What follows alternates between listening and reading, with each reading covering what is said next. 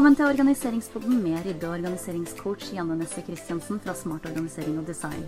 Bli værende og få et innblikk i hvordan vi kan få kontroll på kaoset, og hvordan vi kan bevare roen og beholde oversikten, selv i den mest hektiske hverdagen. Fra den minste skuff til den største boden. Vi tar oss av alt. Så brett opp armene og la oss komme i gang.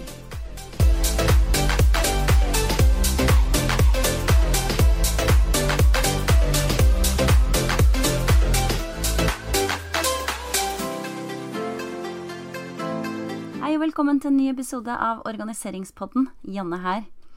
I dag er temaet for mange ting overalt, og hvor skal jeg starte? For de fleste av oss som opplever eh, at rotet hoper seg opp overalt, er fullstendig klar over at de har for mange ting. De vet hvor problemet ligger, og at de da må kvitte seg med ting. Men det å kvitte seg med ting, det handler om å ta veldig mange avgjørelser. Avgjørelser på om man skal beholde ting, eller kvitte seg med det, osv. Hvor man skal gjøre av det, enten man skal beholde det eller kvitte seg med det.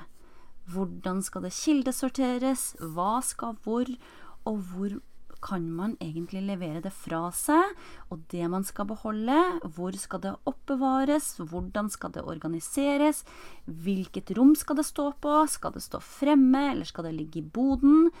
Det er veldig mange ting man må ta stilling til på en gang, og bare tanken på det kan for mange være veldig overveldende, og derfor utsetter man heller i det lengste.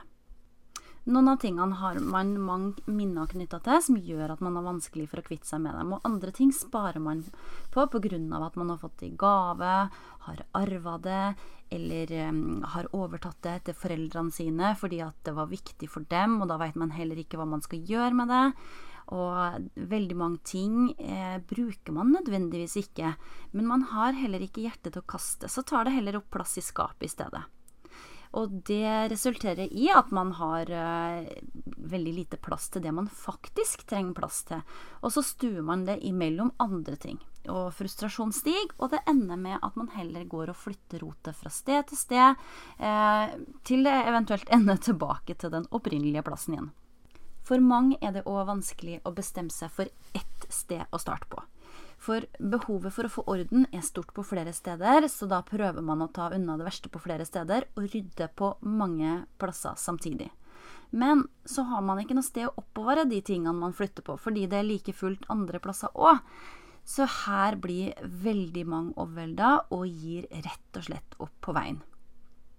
En annen utfordring er at man gjerne har sett seg litt blind på sitt eget hjem, og så klarer man ikke å se alle muligheter man har for oppbevaring. Og for å utnytte all plass må man gjerne tenke litt utafor boksen, og det er heller ikke så lett etter å ha bodd samme plass i flere år.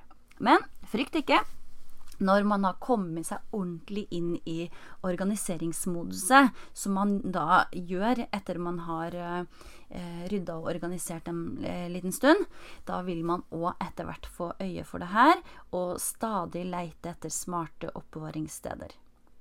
Men hvordan løse den første delen, når man føler seg overvelda og rett og slett ikke veit hvilken ende man skal starte i?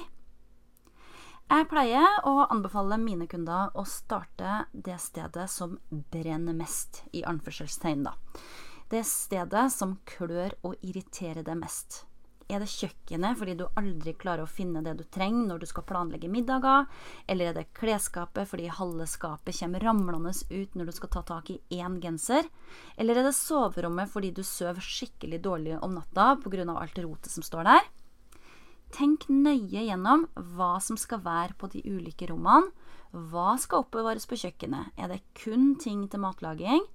Kanskje har du et veldig stort kjøkken med god plass, samtidig som du har små barn som trengs å aktiviseres mens du lager middag. Da kan det være greit å sette av litt plass til hobbysaker i ei skuff på kjøkkenet. Eh, eller hvis du har skolebarn som trenger hjelp til lekser mens du ordner mat, da er det greit å ha plass til lekseaktivitet i nærheten av der du oppholder deg. Start med ett og ett rom eller én og én kategori. For eksempel soverommet. Start med å ta alt ut fra rommet, bortsett fra klærne, da. De ville tatt for seg sjøl. Men mange oppbevarer både barnas klær der, papirer, toalettsaker og alt mulig de ikke har fått plass til andre steder i huset, inne på soverommet. Og for å få en rolig og god natts søvn, så er det viktig å ikke oppbevare andre ting enn det som naturlig hører hjemme der, i stedet for å bruke soverommet som en ekstra bod. Klær er greit. Sengetøy og et par bøker til nattbordet. Det er også greit, men ellers vil jeg anbefale å finne andre steder å oppbevare alt det andre på. Og når rommet er tømt for alt overflødig, så er det òg mye lettere å se gode løsninger. Rydd tilbake ting som hører til der, og skap et hyggelig rom. Og husk at i alle ryddeprosjekter så blir det alltid litt ekstra rot før du har fått alt tilbake på plassen sin. Så her gjelder det bare å holde ut, og heller ikke gape over for mye. Det var de tipsene jeg ville dele med deg i dag. Jeg ønsker deg masse lykke til med ryddeprosjektene dine. Ha det bra!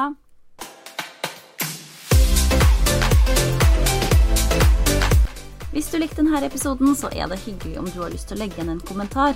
Sjekk òg ut nettsida mi smartorganisering.no for enda flere tips til en smartere og mer effektiv hverdag. Der finner du òg en oversikt over alle tjenestene mine hvis du ønsker at jeg skal hjelpe deg.